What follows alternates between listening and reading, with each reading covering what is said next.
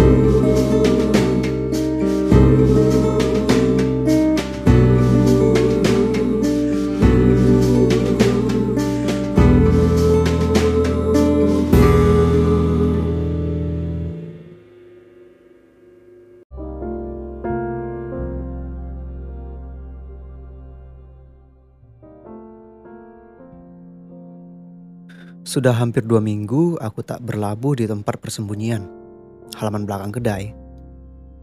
Dan berharap pertemuan dapat dijadikan dengan beberapa residu malam 24 Februari yang lalu. Barangkali alam sedang mensutradarai peristiwa-peristiwanya dengan segala tindak tanduknya. Kira-kira pukul 8 lewat 22 menit.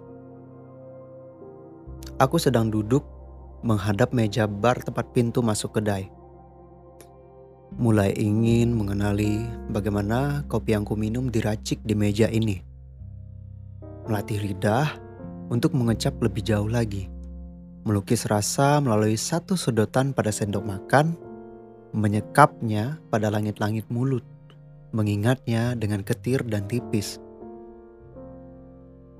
Pada pukul 8 sampai 10 pagi, Kedai ini memberikan waktu, ruang untuk pelanggan meracik kopinya sendiri.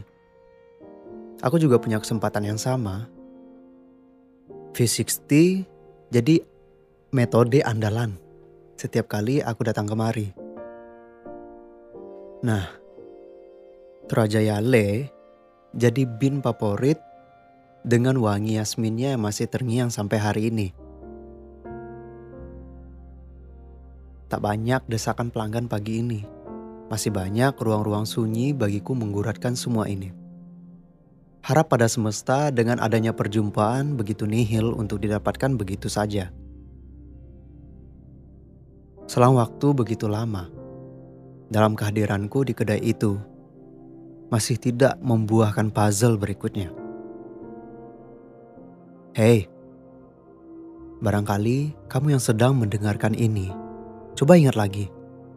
Apakah malam 24 Februari 2017 kamu adalah wanita dengan sweater rajut abu-abu dengan kacamata menyekar rambutmu?